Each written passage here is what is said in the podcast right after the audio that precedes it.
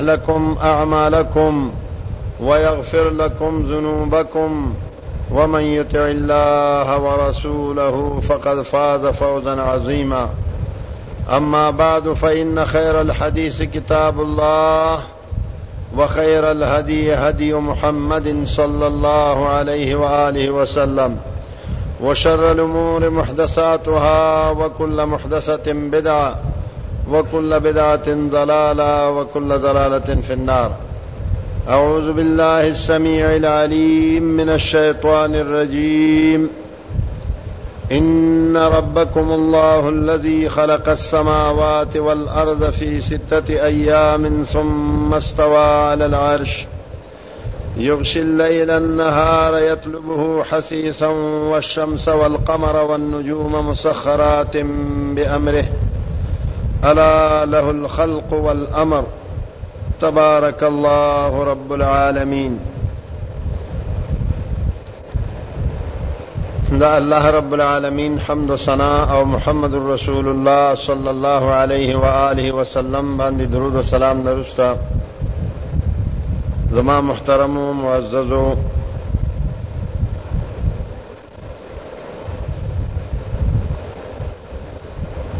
علماء کرامو مان مخ کې ډېر خېخې خبرې وکړې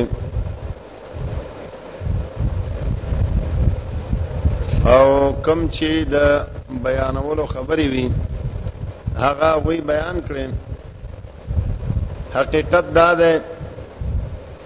چې بیانونه مونږ اورو او کوو ضرورت عمل ته ده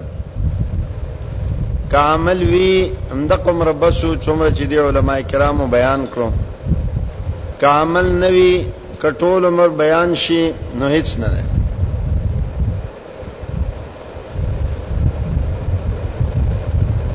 څنګه چې زمون رور محترم مولانا وارث خان صاحب او فرمایل چې مونږه د ټول دنیا غم را سره شته ده خدا خپل ځان غم را سره نشته حالان کې رب العالمین مونږ ته دا وایي چې قو انفسکم واهلیکم نارا او پښتو کې مثال ده اول ځان ده بیا جهان ده ذکر کلا د بازي تبلیغیان ورونو ته وایم هغه بازي څه موضوعی یا ضعیف قصې بیان کی یا د ځان نه قصې بیان کی یا په کې څه د دروغو یو خبره جوړ کی وای دې د پاره چې دا خلک را مایل کو دا و دا کم عقل مندی ده چې انسان د بل د بچاو د پاره خپل جهنم ته ځي بل بچکی او خپل ځان جهنم ته غورځي دا عقل مندي نه ده عقل مندي دا ده چې ځان هم بچکی او نورم بچکی عقل دیته وای دیته نه وای چې ځان جهنم ته ورځي او بل بچکی بهر حال انسان ځان ال پیجندې شي چې هغه خپل رب پیجنې چې زه چا پیدا کړم او څه لپاره پیدا کړم او زما معال او انجام څه دی ترڅو چې دا نه پیژندل چې زه چا پیدا کړم څه د پاره پیدا کړم او انجام می څه ده د نه ځان د جهنم نه بچول شي نه خپل بال بچ بچول شي نه بل بچول شي نه د الله بندگی کول شي نه د رسول اطاعت کول شي زما محترم و معززو تاسو خپکیږئ ما کې دې شي چې یو کرد نیم مخکم مقراته ملاو شوی تاسو ته دلته مم دا خبره کړې چې نن سبا خو دغه کیبل ورکم ویلو که څه شم وایل مونږ ته دا نمونه هم ناراضي مصیبت نن سبا خدا کیبل ورکونه پیدا شو او مخ کې د فلسفه ورکو د منطق ورکو د منطق او د فلسفه ورکو هغه مونږ نه الله ورکړو دغه وجه ده چې دا کیبل ورک وغیرہ وغیرہ پکې رالل چې الله نه د انسان نه خپل رب ورک شي خپل مالک ورک شي خپل مربي ورک شي نو خامخا دا دخیل راننوتن کې زیزونه خپل راننوځي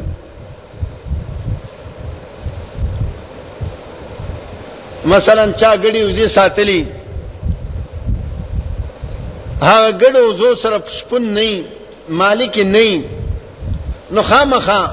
پردې مال ور سره ګډيږي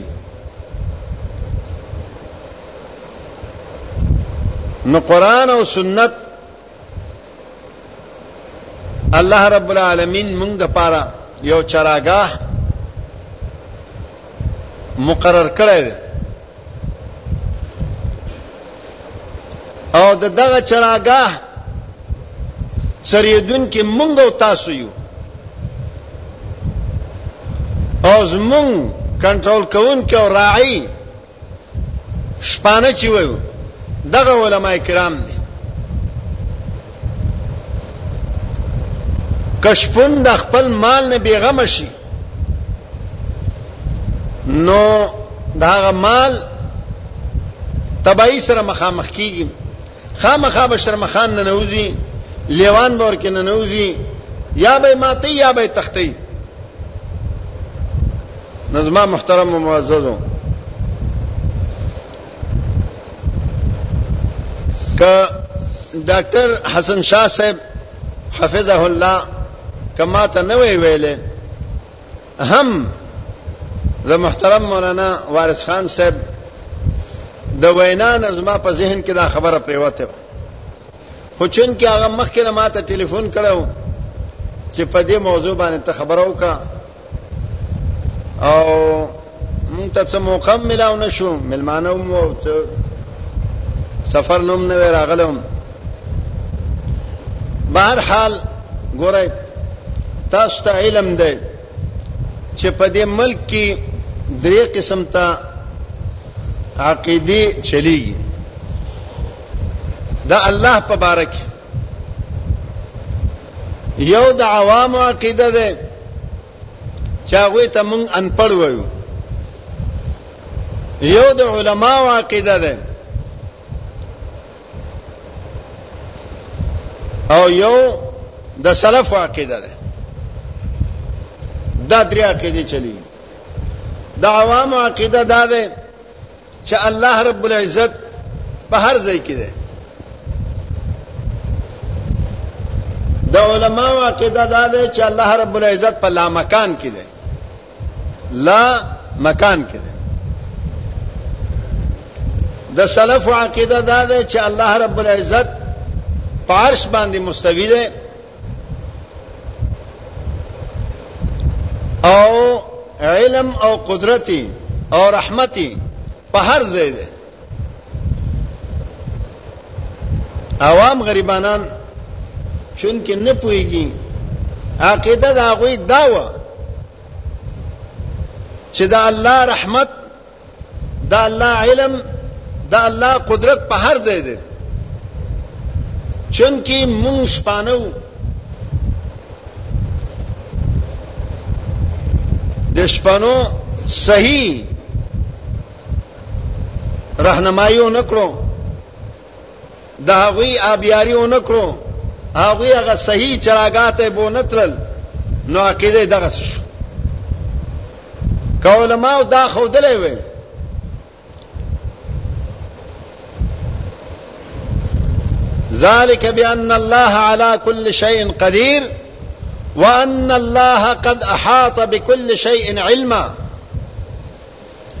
الله په هر څه قادر دی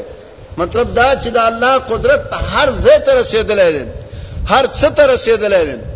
داس یو ځای نشته داس یو چیز نشته چې په دې کائنات کې موجود وي او د الله قدرت پاغه باندې حاوی نه وي داس څه نشته او داس یو ځای نشته داس یو شی نشته چې د الله تعالی علم پاغه باندې محیط نه وي او داس یو شی او داس یو ځای نشته چې دا الله رحمت هغه ته نه رسیدلې ورحمتي وسعت کل شی دا الله هر ځای کې دو دغه مقصدو خو مونږ راهنمایي ونکړې شو راهنمایي مونږ نو عوام دا ویل چې الله په هر ځای کې زما محترم معززو عقیده دا ساتل پکار دی چې دا الله رحمت دا الله قدرت دا الله علم په هر ځای کې دی اما بذاته رب العالمین الرحمن علی العرش استوا رحمان په عرش باندې مستوی دی خیر زبد دې عرش استوا معنا خو برسته حکم خو دا دویمه خبره چې کوم د علماو عقیده ده دا خو هیڅ عقیده نه ده چې ګنې الله په لا مکان کې ده لا عربي کې نه ته وایي کنه لا مکان وایي په نزه کې ده د نزه څه معنی تفصیل خپل کوي نه ده دا معنا چې الله نه بره ده نه ښکته ده نه مخکې ده نه وروسته ده نه ښې طرف ته ده نه ګس طرف ته ده د لامکان دا معنا نه داخل د دا عالم نه ده او نه د خارج د دا عالم نه ده نه متصل د دا عالم نه ده او نه منفصل ده د عالم نه نه عین عالم نه نه غیر ده د عالم نه د لا مکان دا معنی نو دا چې شی شو محض معدوم شو او کنه شو چې یو شی الله په خو قل, قل اي شيء اکبر شهادتا قل الله شهید بیني وبینکم قل اي شيء اکبر شهادتا کم شی زیات ده لوی ده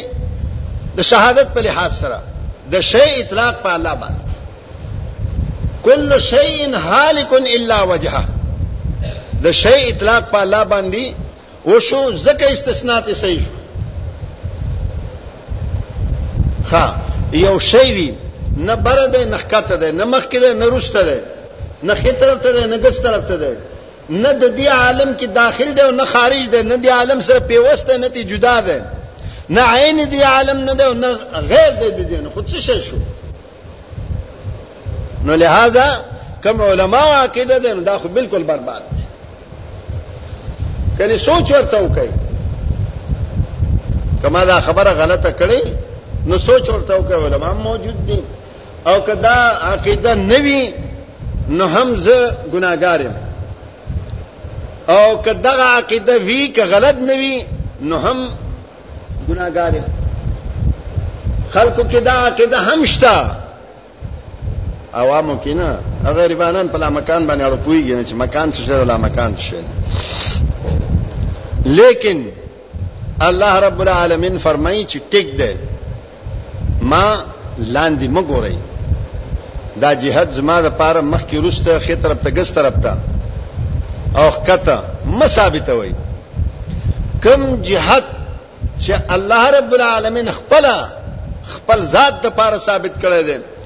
یا محمد رسول الله صلی الله علیه و آله وسلم الله د پاره ثابت کړی هغه ومنئ دا ځکه د دې فوقیت د بیان نه مخکې مخکې دا هم ذهن نشین کوي مثلا ما واخلئ زما په باره کې ستاسو علم نوي چې دې کې څه کمال دی دې څه کولای شي دې په څه باندې پويږي یعنی زما کمالات چې تاسو ته معلوم نه نو زما خبرو ته غوږ نه نسئ زما تعظیم نه کوئ زما اطاعت نه کوئ ما پسې نه راځئ داسې دی او که نه دی هر یو لیډر هر یو مشر چې د هغې کمالات د هغې کارکردګي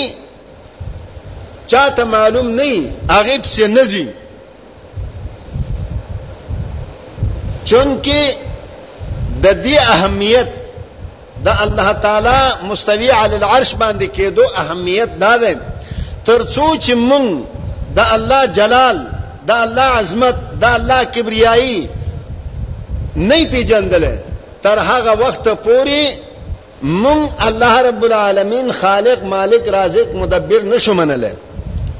ترڅو چې مونږ الله خالق مالک رازق مدبر نه منلی نو الله رب العالمین معبود نشو منلی دا الله عظمت او پیجنو کبریایی جلال وپېژنو، موږ وایو چې واقعي دغه ذات خالق دی د کایناتو، خالق دی د اسمانونو، خالق دی د دغه غرونو، خالق دی د دې ځمکې، خالق دی زموږ، خالق دی د دې ټولو حیواناتو او د دې نباتاتو او د جماداتو.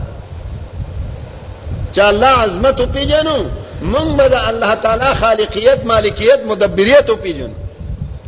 چې مونږ کله د الله رب العالمین خالقیت مالکیت مدبریت وپیژندو نو بیا به چې واقع دغه ذات چې دای عظمت دی دای جلال دی دای کبریایی دی دای ذات دی دای صفات دی نو بیا د هغه ذات بندگی ته د هغه ذات عبادت ته بیا تیاریږي او بیا هغه ذات سره شرک نه کول ته تیاریږي بیا هغه ذات سره چې څوک شرک کوي د هغې سره محاربه او جهاد ته تیارېږو بیا هغه ذات چې څوک را لېږلی د هغې خبرې منلو ته تیارېږو بیا هغه ذات چې کم پیغام را لېږلی د هغې منلو ته تیارېږو بیا د هغه ذات چې کم فرمان دی د هغې مقابلې ته چې څوک ودرېږي د هغې سره جهاد ته تیارېږو د هغه ذات باندې چې چا ایمان راوړی د هغې بندګي کوي د هغې مقابله ته چې څوک ودرېږي د هغې بېحیایي چې څوک کوي د هغې بېحرمتي چې څوک کوي هغه رب العالمین بندګي ته چې څوک نه پرېږدي د هغې سره جهاد ته بیا تیارېږي د دې وجه نه رب العالمین داسې یو صورت نشته دی چې هغه کې د رب العالمین صفات کمال بیان نوي قران وګورئ د اول نه د الحمد نون ستر والناس پورې داسې یو صورت د قران پاک کې ونه مومي چې په هغه صورت کې د الله رب العالمین سنا څه صفت کمال بیان نه وي دا صورت نشته د دې وجه نه زما محترم او معززو کېدای شي چې ډاکټر صاحب هم دغه خیال کړی چې اوله الله عظمت زمونږ زړونو کې کینی نو بیا به دا الله بندگی ته تیار شو زما محترم و معززو خپکه گئی ما د ملک کې زمون نظام تعلیم دغه سي جوړ شوی چې اوس موږ په هغه نظام تعلیم باندې فخر کوو خو اهل حدیث دی او که غیر اهل حدیث دی او خو زما په زما بد شي کمزه ته چلار شالې دي سو مدرسې کې الکه څنګه چل دی چې شعبه حفظ او ناظره ده نه نه باقاعده درس نظامی کا بندوبست ہے باقاعده درس نظامی بندوبست ہے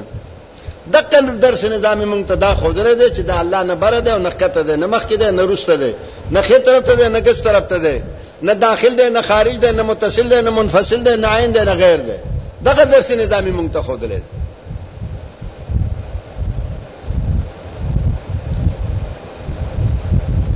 قرآن یو اضافي شی او که قران ته چا توجه ورکړی دی هغه هم په یو ډله بازی باندې په یو نقطه نظر باندې په دې نقطه نظر باندې نه چې غني الله سره لګلې زما دې په هغه رب باندې قسم وي چا چې دا کتاب را لېږلی دی او د هغې کلام دی او د هغې صفت دی دا که مونږ نن دا قرآن په دې لحاظ سره ووایو او سوچ پکې وکړو چې ګنې دا د الله رب العالمین کتاب دی الله را لېږلی دی او زه وینا غواړم زه ځان پویول غواړم چې الله راته څه را لېږلی دی الله کومه خبره را سره کوي او زه صرف د تمام پارټیو نه خوا سیاسي دی او که دیني دی د هغوی نه یک څوش یک څو کېږم صرف دې ته متوجه کېږم چې دی ما ته څه وایي خامخا دی به حق ته رسي خامخا به ان شاء الله د حق ترسي همدارنګ د محمد رسول الله صلی الله علیه و آله وسلم احادیث چې په دې یک سوی سره مونږ وایو او وګورو چې زه هیڅ پارټي سره زما تعلق نشته خو هغه دیني پارټي دی او که سیاسی پارټی نه صرف زما تعلق د محمد رسول الله صلی الله علیه وسلم سره ده او زه قتل غواړم چې الله رب العالمین چې درویش کال کې دا قران پاک هغه تر لګل او محمد رسول الله صلی الله علیه وسلم خپل په دې درویش کال کې د دې قران پاک قولی او عملی تشریح کړی دی هغه څنګه کړی نو ان شاء الله هغه انسان کامیاب دی هغه انسان واقع او قران او سنت ته رسیدې شي او کوم مونږ یو پارټي پورې محدود شو چې ګنې زه اهل حدیث یم د اهل حدیثو نقطه نظر په دې کې څه دی کنې زه پلانې پارټي سره د هغوی نقطه نظر څه دی بیا به مونږ هغه نقطه نظر پسې روان یو هغه اصلي شی به مونږ نه پاتې شي د دې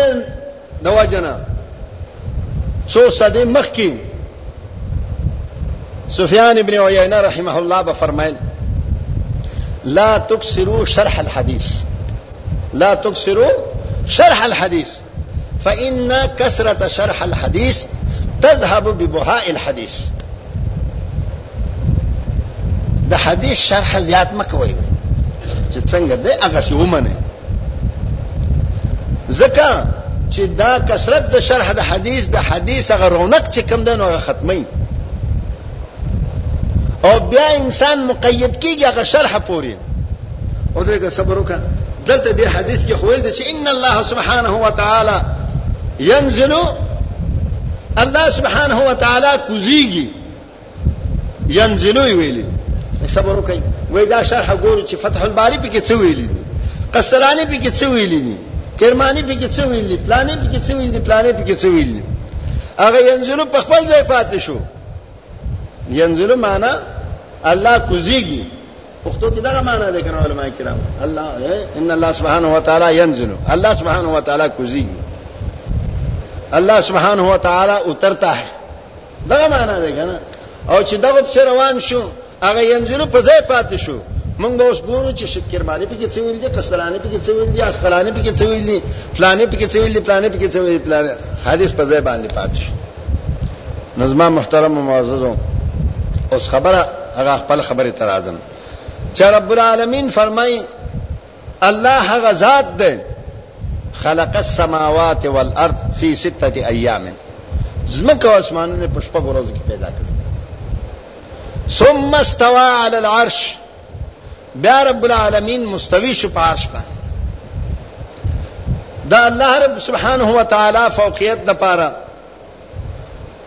قرآن او سنت کې صرف قرآن کې څه تقریبا یوشت نوع یوشت قسمه یوشت دلیل نه یوشت قسم دلیل چې الله بره ده هغه کې یو پکې دا ده چې الرحمن علی العرش استوا رحمان په عرش باندې مستوي دی عرش کوم ځای کې دی امام ابو حنیفه رحمت الله علیه فرمایي چې کچا دا وویل چې زه الله رب العالمین په عرش باندې نه منم نو هغه کافر دی او کدای ویل چې الله په عرش باندې منم الرحمن علی العرش استوا دا منم ولكن لا اعلم لیکن زه نه پوهېږم چې عرش بره په اسمان کې دی او که لاندې دی بیا هم کافر کېږي ځکه چې عرش بره دی زمونږ مور زینب رضی الله تعالی عنها فرمایي وزوجني الله فوق سبع سماواته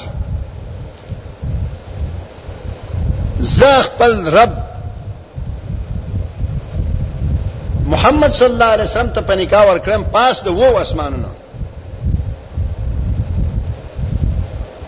بل روایت کی راځي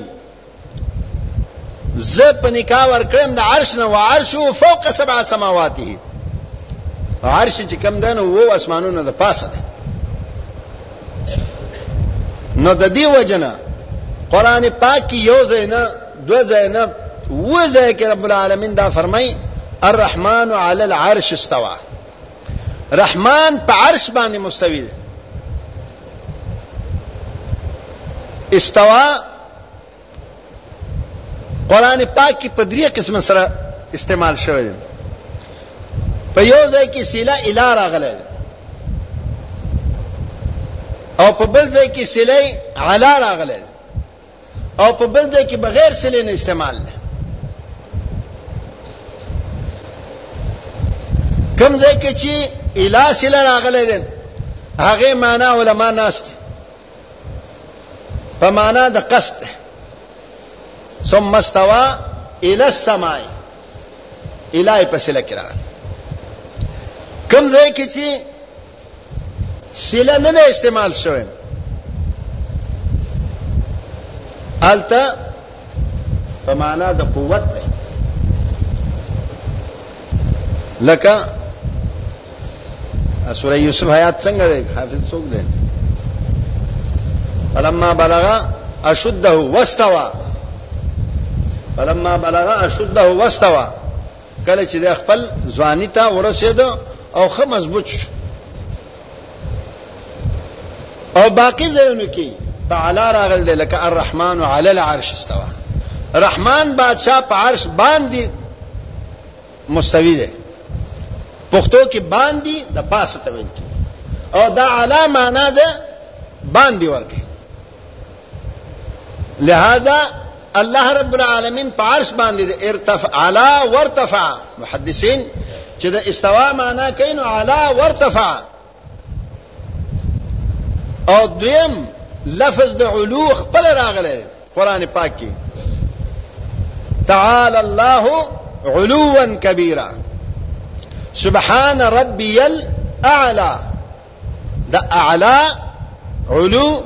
الله رب العالمین په قران پاک کې صراحتا ذکر کړی دی چې الله بره ده سبحان ربی الاعلى سبح اسم ربک الاعلى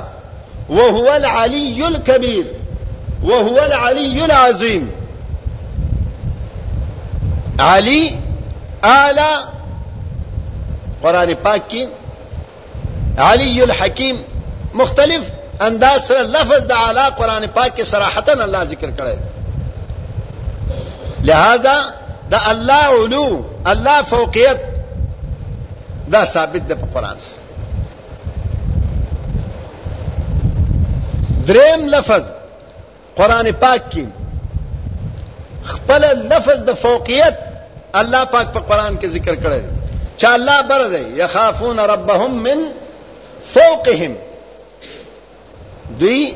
در خپل رب نه یریږي خو رب من فوقهم د دوی د پاس او فطرت سلیمه مونږ ته دغه وایي فطرت سلیمه هر یو انسان ان پړوي هغه څه وي الله په سر ولاړ دی الله په سر ولاړ دی او چې دعا کوو سترګې هم پورته وي، لاس هم پورته نیولی وي، ولې دا فطرت سلیمه دی. علامه جوینی رحمه الله د مرګ په وخت کې افسوس یې کاوه، وایي اثبته طریقه د الله د اثبات دپاره د قرآن طریقه ده، خو چا بنيري ته ویلو چې لکه دا پیر بابا غټ دی او کال ته څه دوه سره دی که څه غر دی وای دا غر دی وای الله دې وای داسې حیران کا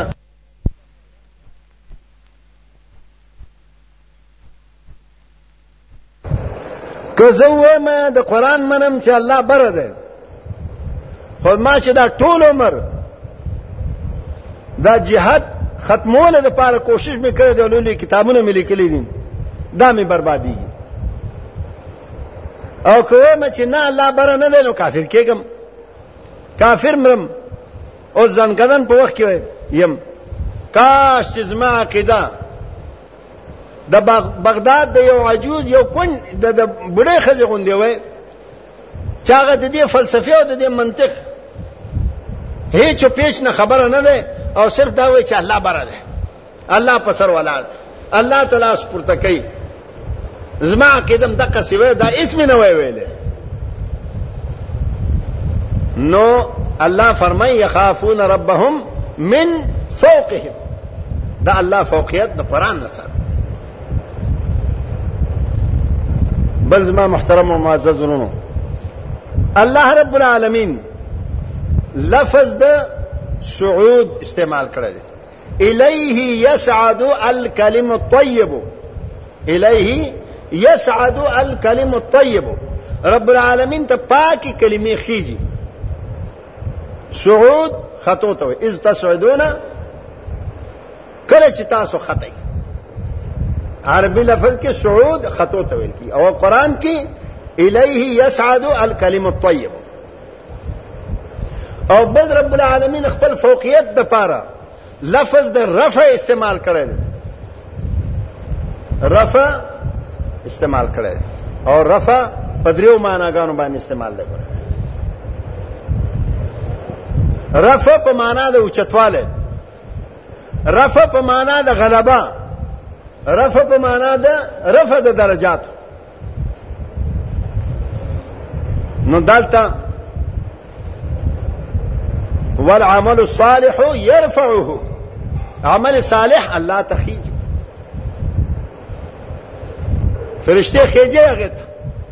رسول الله صلی الله علیه و آله وسلم فرمای پیر او جمعرات دوشنبه پنځشنبه یوم الاثنین او یوم الخمیس په دې کې د بنده اعمال خيږي الله رب العالمین او زه خو خوم چې په دغه ورځ کې روزه روزه دارم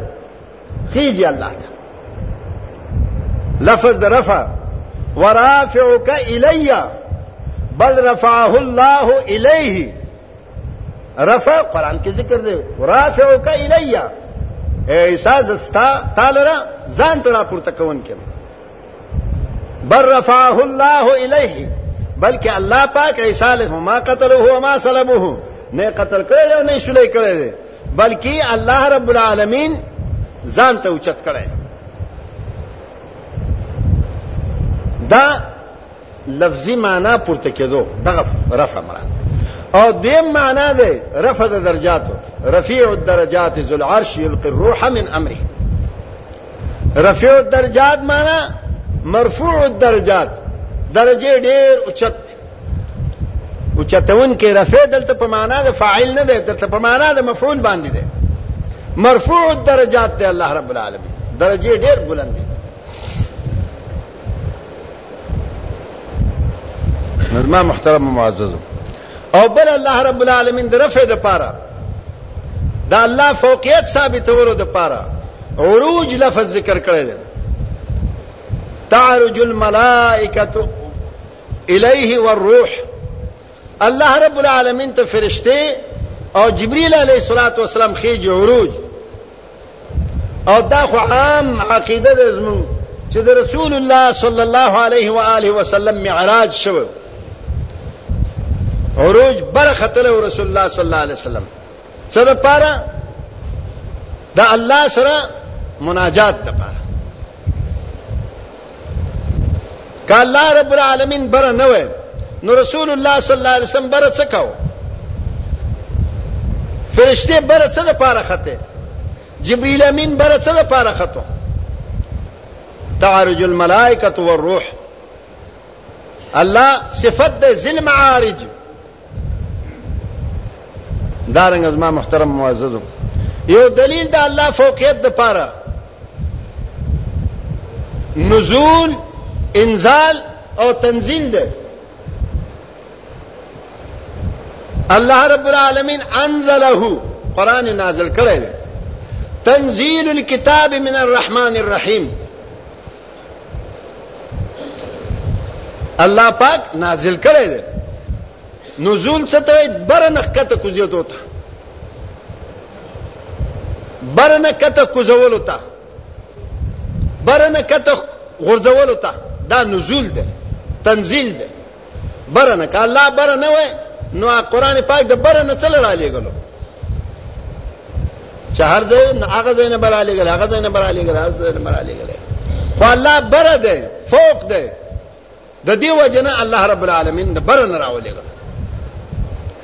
او بل دلیل صراحت ده الله رب العالمین چې زبر اسمان کې الله پاک فرمای یدبر الامر من السماء الى الارض الله پاک تدبیر د امور کوي د اسمان نه زمکه الله وای امنتم من فی السماء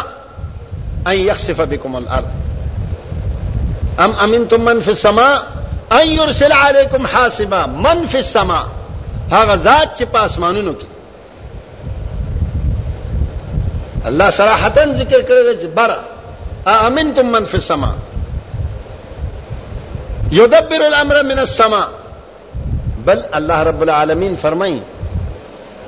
الله خو هر چا سره علم قدرت او رحمت په لحاظ سره خو الله پاک خاص کوي ان الذين يستكبرون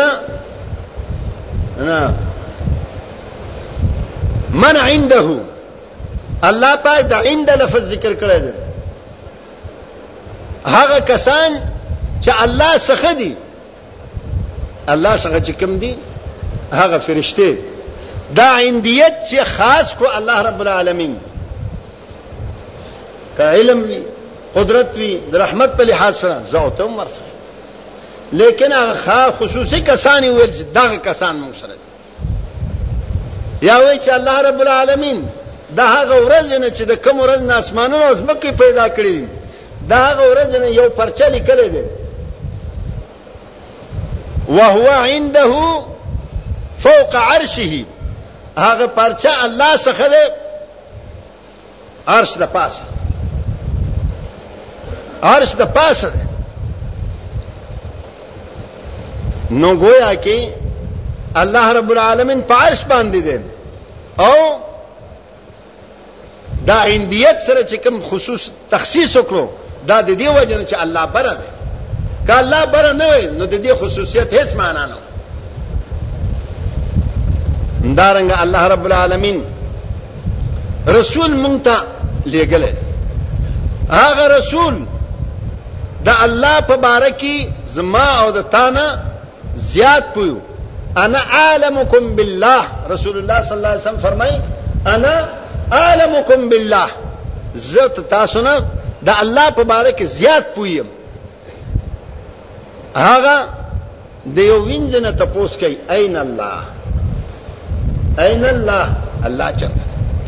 او هغه څه وایي فی السما الله په اسمان کې او بیا رسول الله صلی الله علیه وسلم دا سی ونه ویلو چې دا کافر ده ځکه چې الله یې بره ومنلو او نه الله ورته وویل چې اے محمد صلی الله علیه وسلم ته پیغمبر وي خو کافر شوی ځکه چې عین سره دې سوال وکړو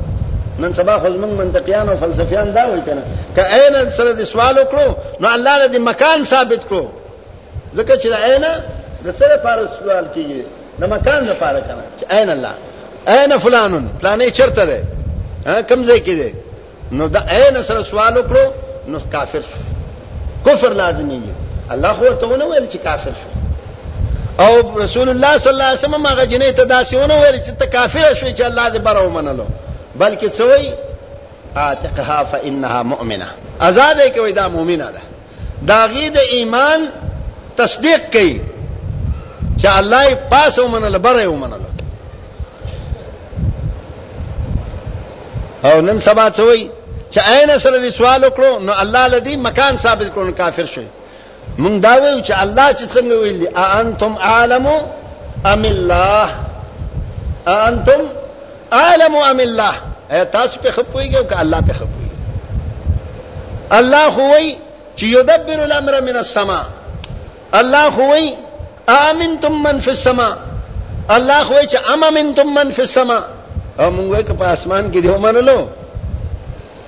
که تاسو خپه کېږئ نه یو ځای به درته وښیم او بیا وګورئ که مې دروغ ویلی نو بیا راشئ زما په مخ توکئ په منبر رسول باندې ناست یم او د الله کتاب مې په لاس کې دی سفر راته یاد نه دی خو څلورم جلد دی او باب ده کتاب المرتدین کی بحر رائق کی علامه ابن نجیم دا خبره ذکر کړی چې هغه وای کچا ویلو چې الله بره ده که حکایت د نصوص کولو خو خیر ده نه کافر کیږي چا ویل چې الله په اسمان کې ده که حکایت د نصوص کولو کنه لکه امنتم من فی السما ها یا یدبر الامر من السما د دغه نصوص او حکایت کولو خو نه کافر کیږي او کا عقیده وو چې الله بر دی یا هیڅ عقیده نه وو چې الله بر دی ویل یا عقیده دا وو چې بر دی یا هیڅ عقیده نه وو وی ویل چې بر دی دا کافر دی دا مرتد دی دا څلورم جلد بحر الرائق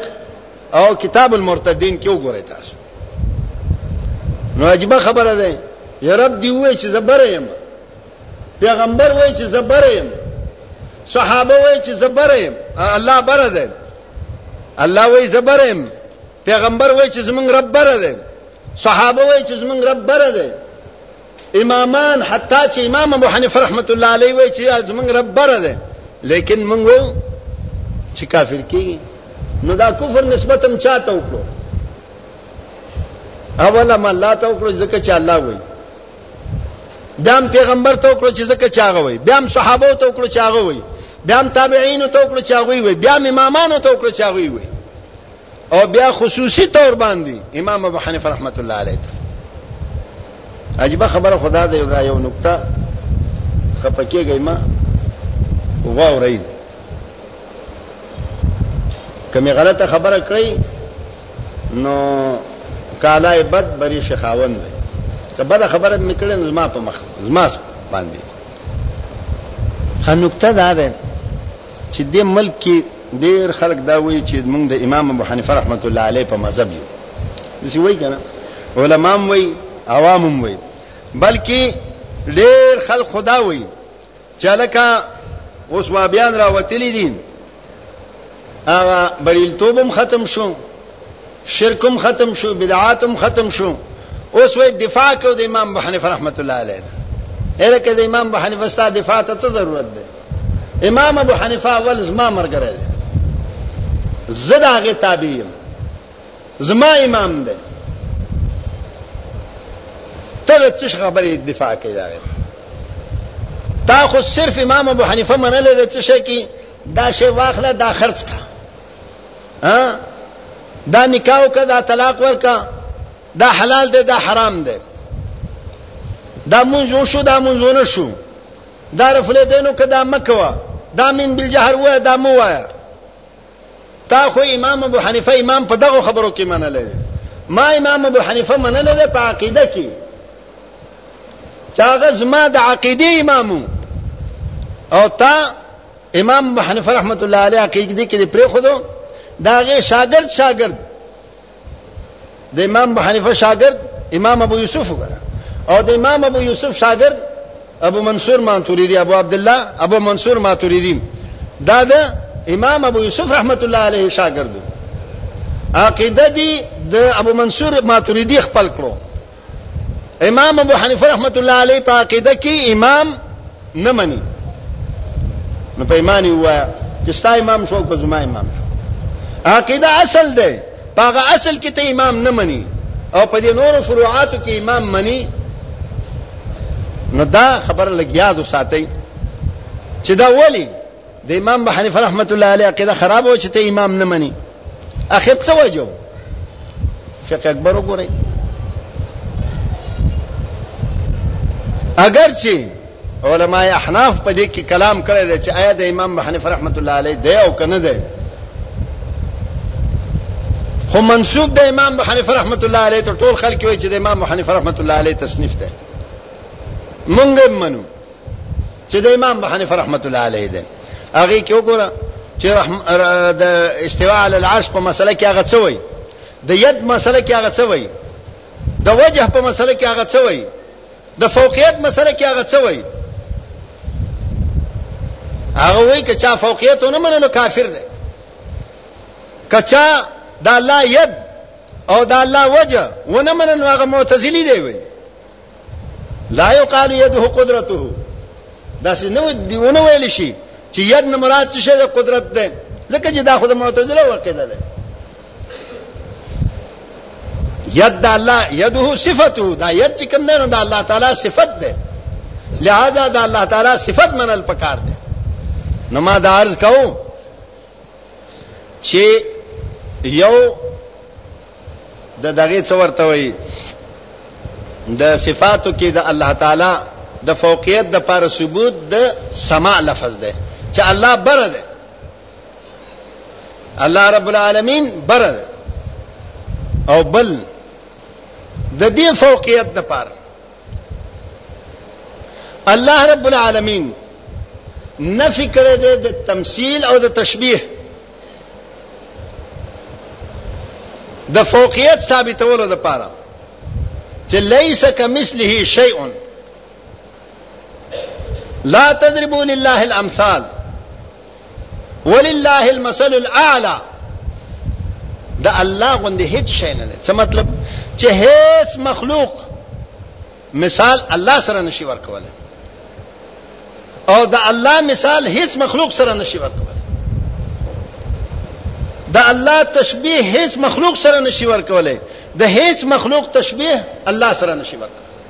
ولی ولله المثل الاعلى دا الله ډیر اوچت مثال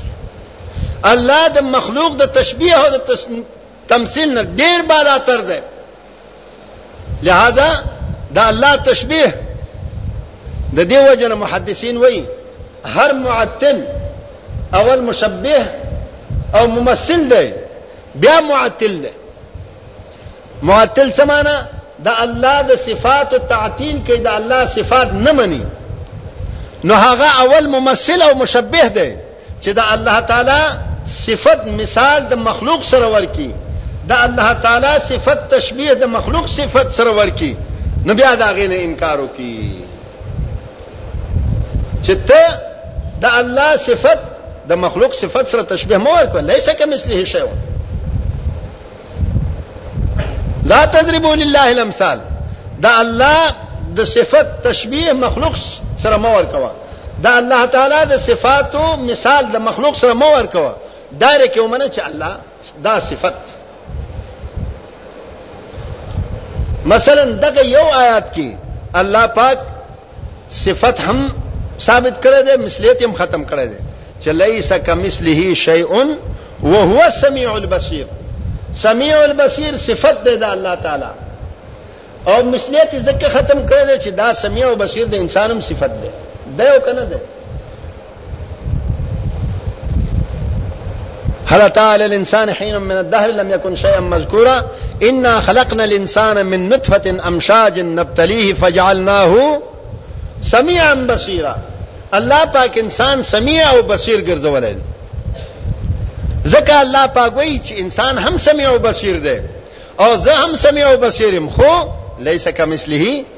شيء وهو السميع دا الله سميع او بصير کېدل د انسان سميع او بصير کېدو غوندې نه ده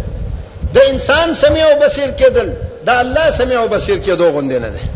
خبره ختمه شو کدا اول سر نه داو مني لکه ته وای دا خبره به مو کوم خپکیږي ما چې زمون حنفرونه دا الله پاک اته صفته مني او زمون شوافی ورونه و صفت منی دسی ده کنه کتیر وطن دسی ده کنه مولای صاحب اغوی سمع بصر کلام خو کلام کې بیا ډېری خبرې دي ګرم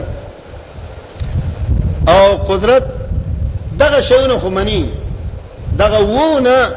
اتم احنافو زیات کړی دی تکوین دا تکوین اتم د حنفیانو زیات دی نو لکه دا و شیونه منه چې الله حی دی ولی ته حی نه مونږ حی نه یو الله حی دی او مونږ هم حی یو نو چې ته په دې حی صفت کې دا حی صفت کې تشبیه د مخلوق سره نه ور کوي ها تمثيل د مخلوق سره نه ور کوي نو په دې رفع کې ولي ور کوي په استوا کې ولي ور کوي په فوقیت کې ولي ور کوي ید کې ولي ور کوي وجه کې ولي ور کوي جهاد کې ولي ور کوي د انسان د پاره به یو خبره کې سوچ پکار دی تا الله حي ومنلو چې الله حي دی الله ژوندی دی کنه او تم ژوندی خدا سی وایا چې ليس کمثله شيء زما حیتوب او د الله تعالی په حیتوب کې ډیر فرق دی زما حیتوب دا چا را کړی چې رب دی رب را کړی زه سمع بصیرم خدا سمع او بصر ما کې الله چولې زما حیات موقت دی زما سمیع او بصیر کېدل موقت دی د رب سمیع او بصیر کېدل او حیات هو الحي الذي لا يموت داغه حیات صفت دی او دا صفت کمال درجه دغه صفت کامل دی د الله او زما صفت د حي د حیات ناقص مخکې نو بیا کم بیا بنئ نوم شم بیا بنه او الله وو دی وی با دا فرق دی نو چې ته په یو شی کې منی تشبیه نه ور کوي په دې نور چیزونو کې ولې تشبیه ور کوي نظم محترم و معززو انسان د پاره دا سوچ کول پکار دی چې ولی تشبیه ورکو د الله تعالی ما ما دا خبره کوله چې هر معطل اول مشبه وي او ممثل وي د الله تعالی تشبیه او مثال بیانې پس هغه نه د الله تعالی د صفات او تعطیل کې الله تعالی صفات نه انکار کوي نو دارنګ الله سبحانه و تعالی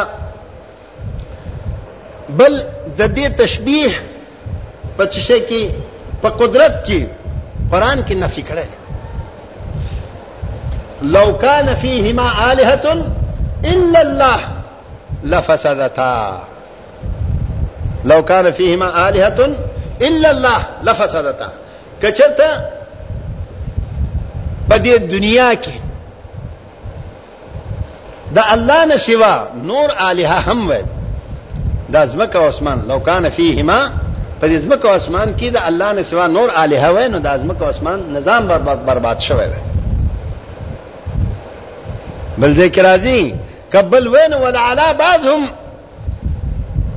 الا بعض بعض به په بعض باندې علو اختیار کړی وي لکه دنیا کې یو بادشاہ په بل بادشاہ باندې علو اختیاري او د بل د لاندې کولو د زیر کولو کوشش کوي همدارنګه که دوه الهان وي د دواړو طاقت یو شان وي د دواړو فعل یو شان وي د دواړو قدرت یو شان وي د دواړو صفات یو شان وي مساوي وي نو الله رب العالمین با نه د دوالو با د عالم په نظام کې اختلال راوسته وي ځکه یو به ویل چې دا زم ژوندای کوم او بل ویل نه زم مړ مړ کوم یو به ویل د دته ور کوم بل ویل زه نه ور کوم لکه چې نن سبا دا پارټیانو کې دا د یو د یو په سر ولاري بل د بل په سر ولاري نظام مختلوي او نظام کې چې کوم دنه فساد راځي نو د دې وجه نه زما محترم او معززو الله رب العالمین احکم الحاکمین مستوی دی په عرش باندې داغه عظمت او غه جلال دا سیده چې د خپل مخلوق نه جدا دی د کائنات نه جدا پاسه دی د دې د کائنات د پاسه دی الله رب العالمین د فوقیت د پاره یو دا هم دی چې رب العالمین محیط ته په هر څه باندې والله من ورائهم محیط الله رب العالمین دا ټول مخلوق خپل احاطه کې راوست او الله ته نه جدا ده باین ده خپل مخلوق نه دا الله تعالی د علو د پاره یو یو وجدان او بل زما محترم او معززو تاسو ته دا یو خبره کوم نور کې دې شي چې تاسو د مانځه وخت می غړې مړې ګوري دا خلک هغه دا چې د دې د دې عقیده د دې عقیده مشر چه ګنی الله رب العالمین په عرش باندې نه دی دا فرعون فرعون د دې عقیده مشرو او هغه دا وینو چې الله رب العالمین بر نه دی موسی علیه الصلاۃ والسلام دا الله رب العالمین د فوقیت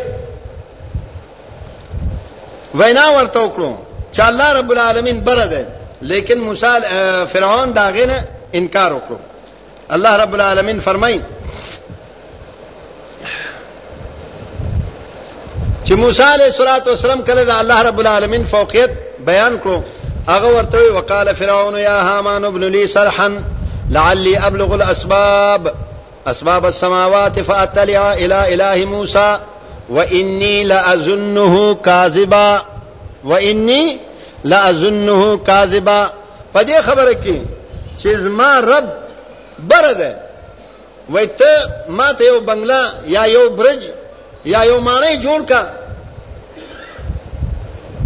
یا حامان ابن لی سرحن حامان چې وزیر یو ما د پاره یو سرح جوړ کا یو برج جوړ کا څه چلو کوم لعلی ابلغ الاسباب کې دې شي چې زه سې یو لارې ته یو زه ته ورور سېګم چې هغه لارې د اسمانونو ده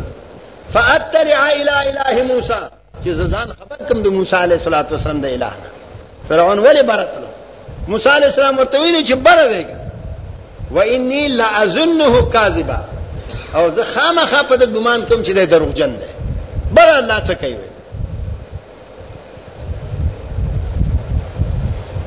نو موسی علیه الصلاۃ والسلام دا فرمایلو چې زما رب بره او فرعون څه ویلو چې بره نه ده اشه جوړ کا چې زبر او ګورم بره نشته ده دروغجن دی موسی خو زه اتمام حجت د پاره بره ګورم نو فرعون وجعلناهم ائمه يدعون الى النار الله وی دا خلق فرعون دی حامان دی نمرود دی دوی ما امامانو ګرځول د چې شاید چا لپاره جهنم ته درابلون کو لپاره بللو د پاره جهنم ته درابللو د پاره دغه خلق می امامان وګل الله پاوه یقدم قومه یوم القیامه قیامت پورز به خپل د قوم نمخ کی او دوی به ورپسې امام ابن قیم رحمه الله فرمایي چې دا بعض خلق محدثین ته سلف ته مجسمه وای او وای چې د دوی د مجسمه او امام فرعون زکه چاول هغه ویلو چې ابن لي سرحا لعلي ابلغ الاسباب اسباب السماوات فاطلع الى اله موسی بس دې ځای پورې وای او مخکې چې وای اني لا ظنه کاذبا دای پرې خو دا وای اني لا ظنه کاذبا دا صریح ده په دې خبره باندې چې فرعون د الله تعالی د علو نه منکرو د الله د فوقیت نه منکرو د موسی علیه الصلاۃ والسلام تکذیب وکاو څکه خو ویل چې زبر خېجم او ګورم فاطلع الی اله موسی و انی لاظنه کاذبا زما خیال دا دی چې دا دروغجن دی که دروغجن نه وای نو موږ بلې او بل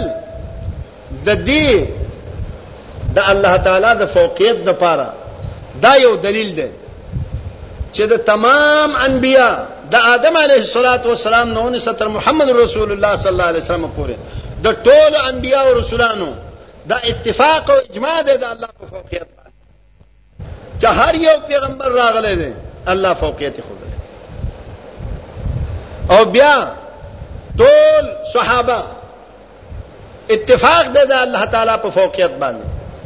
د ټول تابعین اتفاق دی د الله په فوقیت باندې او عقل هم دا وایي عقل سلیم چې الله بره دی فطرت سلیمه هم دا وایي چې الله بره دی فطرت سلیمه هم دا وایي چې الله بره دی لہذا زمرو پکار دا دی چې مونږ د الله تعالی علو د الله جلال د الله عظمت د الله کبریایي ومنو او د الله تعالی تشبیه هیڅ مخلوق سره ورنکو او د هیڅ مخلوق تشبیه الله سره ورنکو